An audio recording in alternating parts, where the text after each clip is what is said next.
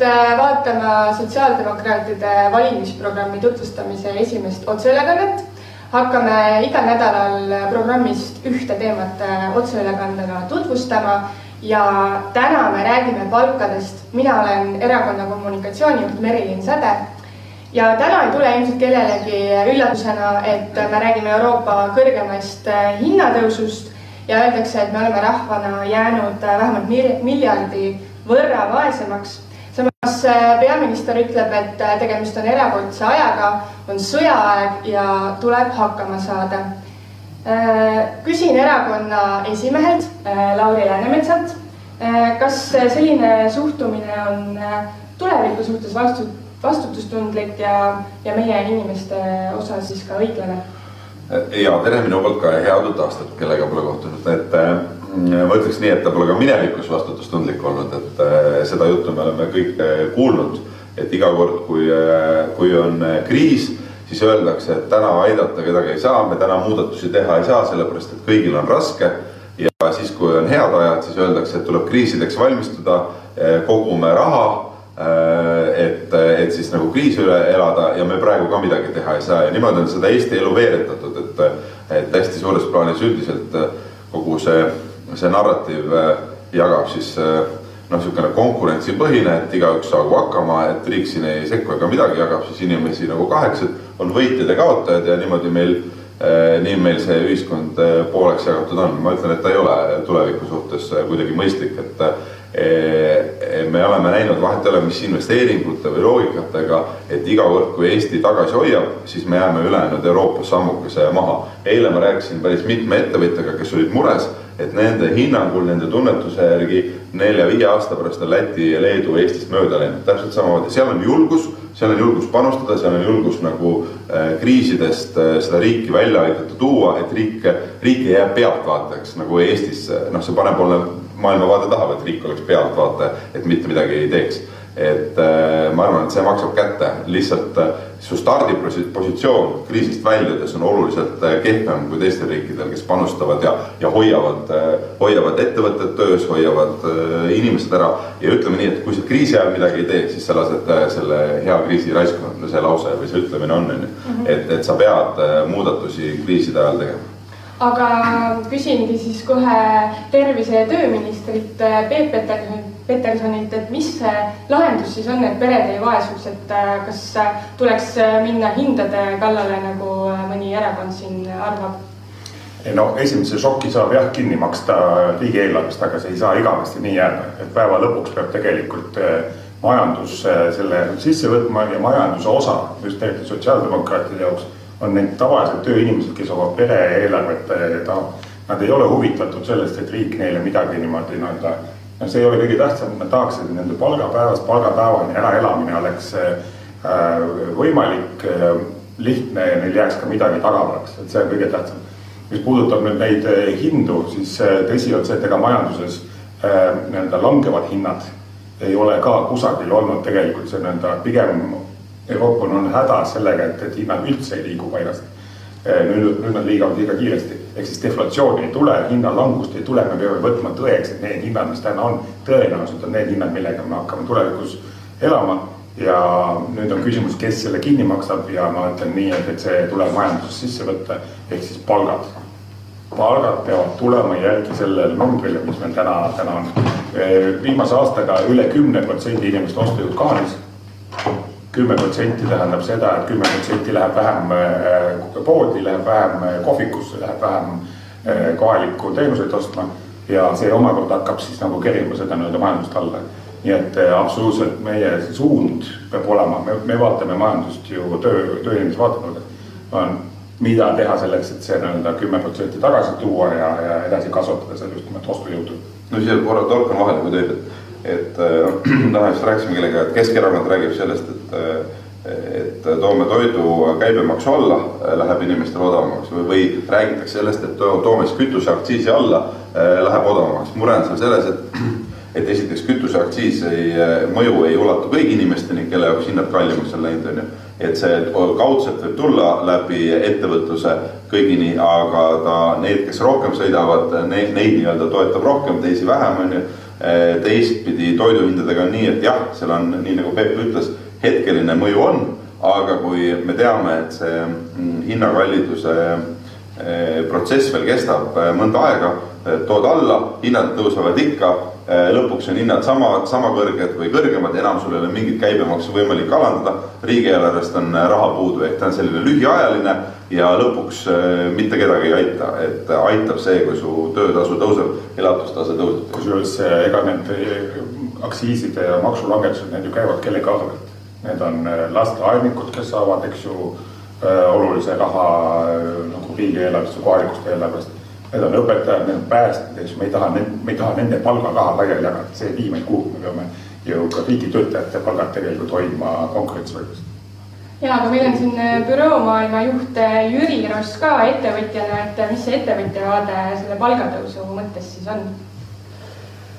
no palka maksavad kliendid lõppkokkuvõttes ja palk läbi aastate, ma võin öelda näiteks ta tõuseb läbi konkurentsi, konkurents äh, klientide pärast, konkurents heade töötajate pärast.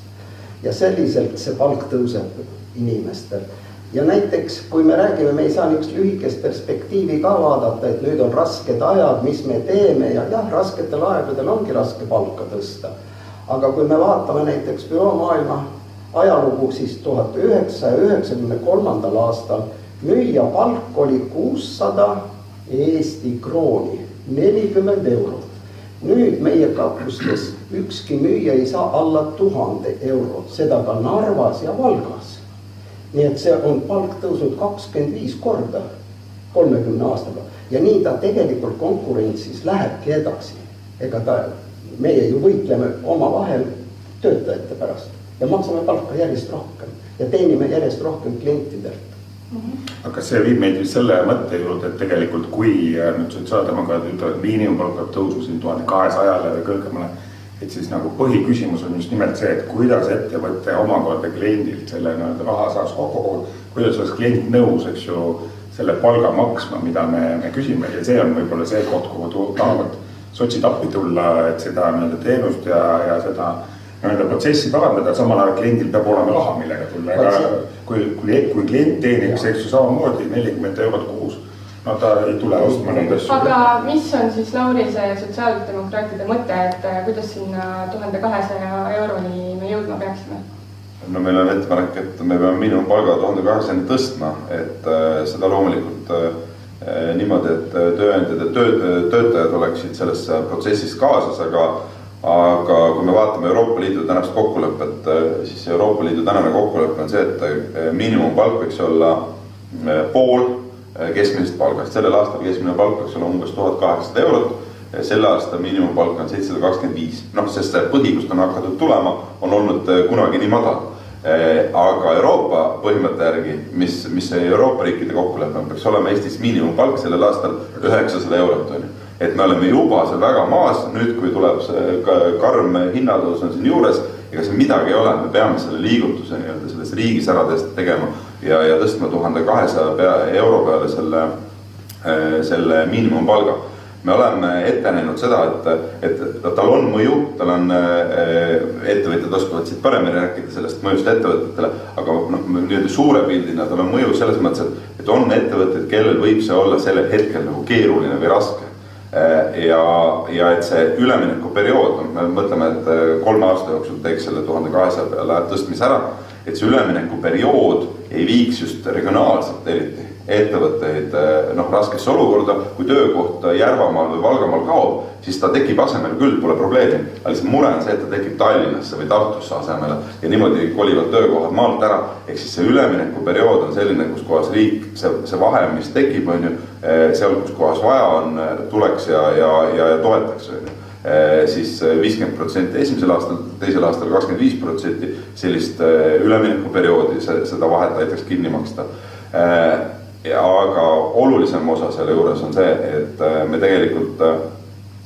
selle üleminekuperioodil tahaksime, tahaksime äh, anda ka siis ettevõtlustoetused paarisaja miljoni juures, no kokku ligi pool miljardit, et tegelikult need ettevõtted saaksid selle arenguhüppe ära teha, seal peab lisandväärtuse nii-öelda loomise kasv toimuma, siis päriselt toimub ühiskonnas see muutus, on ju. ja jälle mina vaataksin väiksemalt, ma vaataksin rohkem nagu nii-öelda ettevõtete poole, kes on regionaalselt mööda Eestit laiali, sest Tallinnas vist toimub see, see töökohtade muutumine nii-öelda kaob ja tuleb uus ka asemele või, või siis ümberkohanemine on kergem, sest seda ressurssi, ka seda kliendi ressurssi on oluliselt rohkem. samas äh, ettevõtjana ma ütleksin niimoodi, et siin tuleb ka ettevaatlik olla selle igasuguste abirahadega. sellepärast on, esineb kindlasti ka valskust ju inimestelt, kes tahavad seda abiraha saada, aga veel kõige keerulisem võib-olla on see, et me ei tohi abirahadega tappa konkurentsi. vot seda mitte ei saa teha siis, siis, siis oleme ummikus. Ja ma saan siit aru, et see plaan on siis kolme aasta jooksul tuhande kahesajani jõuda ja aidata neid ettevõtjaid riigi poolt siis, kes selleks abi vajavad no,. no me peame hoidma ära, sest need muutused, mis me varem, kui me alustasime siin, parempoolne nägemus on ju selline, et turg paneb kõik ise paika ja ta panebki paika, aga ta tavaliselt võtab sealt, kust võtta saab ja sinna, kus juba on, tuleb juurde, on ju ehk siis, ehk siis kui me lihtsalt neid muutuseid teeme ilma selle, et riik seda tasakaalu hoiab, siis ma ütlen, et esimene koht, kus me pihta saame, regionaalselt. me kaotame töökohti, sellepärast on meil need nii-öelda teised osad juures, et ettevõtetele investeeringutoetused on ju lisandväärtuse loomiseks ja siis ka nagu tugi, kui seal tõesti vaja on seda üleminekut teha. jah, ma võib-olla annan siin selle, noh, lükkan ümber selle väite, et äh, siis ütleme, sotsiaaldemokraadid alati on see, et aga jagaks raha laiali ei ole, siin on väga selgelt meie sõnum. Me tahame teha nii, nagu on meil taanlased, rootslased, soomlased, norrakad ette näidanud. selle asja nimi on koordineeritud tulu, turumajandus, see tähendab seda, et riik on aktiivne. riik seab sihte ja, ja annab ka sisendeid sellele majandusele, et me juhime majandust, aga me ei heida turgu, turg jääb alles. seesama konkurents ja kõik on oluline, seal me ei kahjusta, aga me oleme intensiivsed eesmärkide saavutamisel, mis on laiemad mis ei jää ainult, eks ju, majanduse enda, enda kehtestada. ja miinimumpalga tõstmine on ääretult tähtis tuhande kahesajale, et mõelge ise, et kui inimene elab ikka peost suhu või poest suhu, kumba. et mis see on, ega orjad siis õnnelikku ühiskonda kunagi ei ehita ülesse ega õnnelikku riiki. aga see on ju juba noh, niisugune orja mentaliteet, kui sa elad peost suhu. mulle, mulle meeldis see, Jüri, kuidas sa ennem ütlesid selle, et kes selle raha teenib ettevõttes? klient eh, maksab palga. jah, klient, et, et meil Eestis on, see on väga hästi öeldud Jüri poolt, et klient maksab tegelikult ettevõttes palga, et me kuidagi eh, jälle poliitikute poolt on väga palju loodud seda, seda müüti, et, et on ainult ettevõtja. Aga lõppkokkuvõttes, kui ei ole seda klienti, kes sinu juurde tuleb, on ju, ega siis, siis ei tule ka seda raha. ehk siis ühiskond on alati tervik, et me peame vaatama, et ettevõtlus toimiks, et seal toimiks areng, töökohad oleks Äh, ja teistmoodi peavad nad vaatama, et ka see palgatõus oleks, et, et lõppkokkuvõttes palgad jäävad madalaks, äh, ressurss jääb väheste kätte ühiskonnas, ega siis väga pikalt ei purjeta, ühel hetkel kukub see lihtsalt see pilt pikali või teine asi, kui see ressurss jääb väheste kätte, siis äh, see tähendab seda, et arengupeetus võib toimuda, on ju, et teatud ühiskonna või noh, teatud sektorites või, või, või piirkondades ei toimu nii-öelda seda arengut ja jälle on tõrge, et peab nagu minema nagu koos kogu aeg. kes äh, leiutas, eks ju, äh, selle tootmismudeli, mis täna juba hakkab vaikselt nagu vanaks minema ja mida täiendatakse IT-lahendustega, oli see konveier äh, tootmine. oli siis Fordi tehastes, eks ju, ja Ford ütles nii, et kui tema oma töötaja ei saa, suuda seda toodangut osta, siis, siis ei saa see nii-öelda, siis tal ei ole kellelegi toota. ja, ja see ongi ikka sama loogika, eks ju, et klient peab olema ka tugev, kust klient saab raha palgast ehk siis nii-öelda see palga, palgaringlus peab toimuma, ehk siis ettevõtja on seal vahel, me toetame ettevõtjat selleks, et ta saaks selle palga välja maksta, aga samal ajal me maksame selle selleks välja, et ettevõtjal oleks kust teenida. kui me räägime palkadest, siis paratamatult tuleb ka maksudest rääkida, missugune on äh, sotsiaaldemokraatide nägemus siis äh, maksusüsteemi osas? no ma ütlen alguses ära, et äh, tervishoiust on puudu kakssada miljonit. et kindlasti midagi tuleb põhimõtteliselt muuta selles solidaarses tervishoius, et inimesed päriselt saaksid abi sellest riiklikust süsteemist, mille me oleme ehitanud, ei saa olla nii, et kes on rikkam, jookseb pärast, äh, eks ju, äh, raha näpus eraarsti juurde, sest ta, sest riigisüsteem on kinni, kinni võimanud. ja, ja siin on minu arvates väga oluline see, et, et meil kõik osaleksid selles solidaarses skeemis, ei oleks nii, et kui ma teen OÜ, siis ma maksan vähem kui, kui Maxima kassapidaja, sest Maxima kassapidaja sissetulek ei ole piisav selleks, et kõikidele Eesti inimestele pakkuda kvaliteetset arstiabi. aga mis siis muutuma peaks täna võrreldes sellega, mis täna on? siin jah, ma, ma julgesin ise sõna võtta, ma arvan, et esimees on muidugi. kui ma vaatan seda ÜRO uuringut, kus soomlased olid kõige õnnelikumad inimesed maailmas, nende riik siis minu meelest ka ettevõtjana, kui meie ei lähene neile oma maksusüsteemiga, tulumaksudega, ja ei lähene ka Taanile või Rootsile, siis me kunagi ei jõua ka nende tasemele. nii et me peame samm-sammult, selge see, me ei saa seda teha aastaga, viie aastaga, et me läheneme neile, aga järgmise põlvkonna jaoks kolmekümne aastaga me võiks seda püstitada. jah, ühesõnaga Äh, mis Jüri, mina olen Jüriga taaskord nõus, äh, üllatab see kõik kedagi, aga, aga olen kogu aeg nõus, et äh, jah, meie ettepanek on astmeline tulumaks ehk siis miinimumpalk tuhat kakssada eurot, kui me saame, suudame, siis võiks see miinimumpalk olla tulumaksuvaba. siis teine aste võiks hakata kolme tuhandest eurost, sinnamaani on see vahe nagu täna kakskümmend protsenti, kõik on sellega harjunud ja sealt kolme tuhandest eurost äh, edasi oleks siis vahe kakskümmend viis protsenti. ja nüüd peab ära ütlema, et eestlased lihtsalt, kuna noh, meil Reformierakond pole lasknud normaalselt sihukest euroopalikku maksusüsteemi teha, siis äh, keegi ei tea, mismoodi see astmeline tulumaks toimub. et ei ole niimoodi, et kui sa saad kolm tuhat viissada eurot palka, siis kolm tuhat viissada eurot on maksustatud kahekümne viie protsendiga. ei ole nii, maksustatud on kolm tuhat eurot on maksustatud. iga laste eraldi kolm tuhat eurot on maksustatud kahekümne protsendiga ja see, see viissada eurot, mis sealt üle on, on ju, see on kahekümne viiega maksustatud, mitte kogu see pott. see tulukiht oma maksumääraga. jah, täpselt nii, see, see on astmeline tulumaks, mis on eh, igal pool mujal ja, ja mis ma ütleks siia, et, et noh, on keritud aastakümneid seda legendi, et siis ma kuidagi, eh, see on minu karistamine, et ma teenin rohkem, ei ole. et ma tahaks öelda, et Mm, et see on tegelikult äh, patriootlik või rahvuslik äh, tegu pigem. et kui me näeme sellist rahvus, rahvuslust äh, hästi selline viimasel ajal hästi sellise kellegi vihkamise või, või, või noh, millegi sellisena, siis mina ütleks, see, kui mina maksan natukene rohkem maksu, kui mul on võimalik seda teha, kui inimene, kelle palk on näiteks neli tuhat eurot või viis tuhat eurot, ta maksab sealt viiskümmend eurot iga kuu rohkem, siis tema elukvaliteet ei muutu, aga tänu sellele saab mõni laps parema hariduse, ta tulevikus edukam, ta võib-olla tulevikus on see, kas, kes teeb mingi majandusime Eestisse või midagi sellist, on ju, ja kogu ühiskond võidab. see, et ma aitan oma kaasmaalast, see, et ma aitan eh, teist Eesti inimest, vot see on rahvuslik tegu. Ja seda nagu läbi maksusüsteemi, see peaks olema normaalne asi, me kõik peaks tahtma olla need, kes on teineteisele toeks, on ju, mitte ainult, eh, mitte ainult sõnades, vaid ka tegelikult, tegelikult tegudes ta on siin äh, seesama jutt, et kes keda karistab, äh, maksude maksmine ei ole karistamine. Äh, see on ainuke põhjus, miks täna töötajad on valmis nii palju maksu maksma, palju nad maksavad, nad teenivad, eks ju, kliendi käest nagu öeldud, teatud summa välja, eks ju, koos ettevõtjaga, teatud summa välja ja siis tuleb riik, ütleb kakskümmend protsenti tulumaks. no mõni saab natuke vähem maksta, on ju, kakskümmend protsenti tulumaks, siis tuleb sotsiaalmaks, eks ju, kolmkümmend kolm protsenti ja siis, kui ta on selle raha kätte saanud, on ju, mis on juba vähenenud siin meil praegu äh, viiskümmend, peaaegu viiskümmend protsenti, eks ju, siis ta läheb sellega poodi ja maksab sealt kakskümmend protsenti käibemaksu. nii et äh, ma, ma väidan, et täna, kui rääkida karistamisest, siis on täna töötajad karistatud jõhkralt. Äh, võtame siis selle tagasi, selle käibemaksu, käibemaksu maksavad kõik ühtemoodi.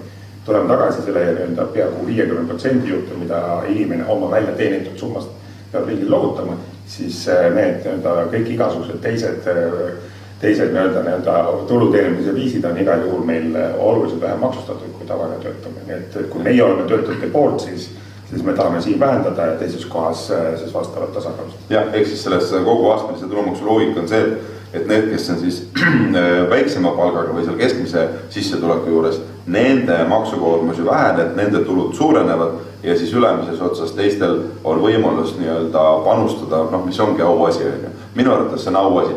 Saan... olla võrdsemad, siis tegelikult natukene arvestada, lähemale tulla sellele õnnetule Maxima kassapidajale, kes täna oma väikesest sissetulekust maksab ära poole ja kes teeb samas ka väga vajalikku tööd. absoluutselt vajalikku tööd. aga õppida tuleb ikkagi parimatelt ja Soomes on ka sotsiaaldemokraadid eesotsas ja Taanis ja nende maksusüsteemid siis on rahvale vastu võetud, nende rahva poolt, siis meie peame ka ikkagi sinna maailma paremate poole liikuma. no ärme, ärme unustaks, kus, kusjuures jah, ma, ma tookski selle momendi sisse, et öeldakse niimoodi, aga siis, kui me lähme võrdsema maksustamise peale, siis meilt lähevad nagu need ettevõtjad ja rikkad minema. see ei vasta tõele, miks nad ei, miks nad ei, miks nad ei lähe minema, on see, et klient, see nii-öelda palka maksab klient. kui klient on jõukas siis on äh, huvitav ka ettevõtjal toimetada, sest kui, kui ainult vaadata maksumäära, siis võiks ju ka Aafrika kõrbes äri teha väga madala maksumääraga, aga seal ei ole sul klienti.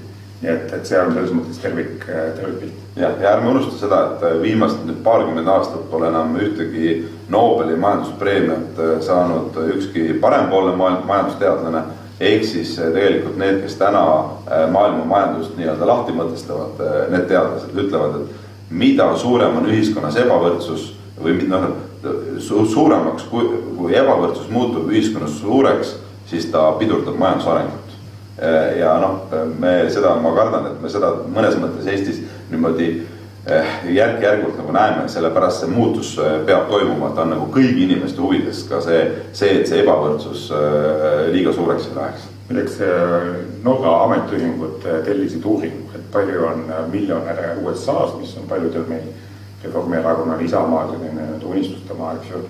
Äh, ja palju on miljonäre Norras, siis selgub, et selle võrdsustava maksusüsteemiga, selle nii-öelda palkade pideva tõstmisega seoses selgub, et saja tuhande kohta on Norras oluliselt rohkem miljonäre, kui on, kui on USA-s, ehk siis see ongi tegelikult, see on nagu ka nendele ettevõtjatele selle nii-öelda sfääri loomine, kust tulevad head ideed, tulevad maailmavallutuslikud nagu plaanid, reaalsed tulud ja need selles mõttes ta ei ole, ta ei võta kelleltki ära, see, see sotsiaaldemokraatlik äh, võrdsuspoliitika.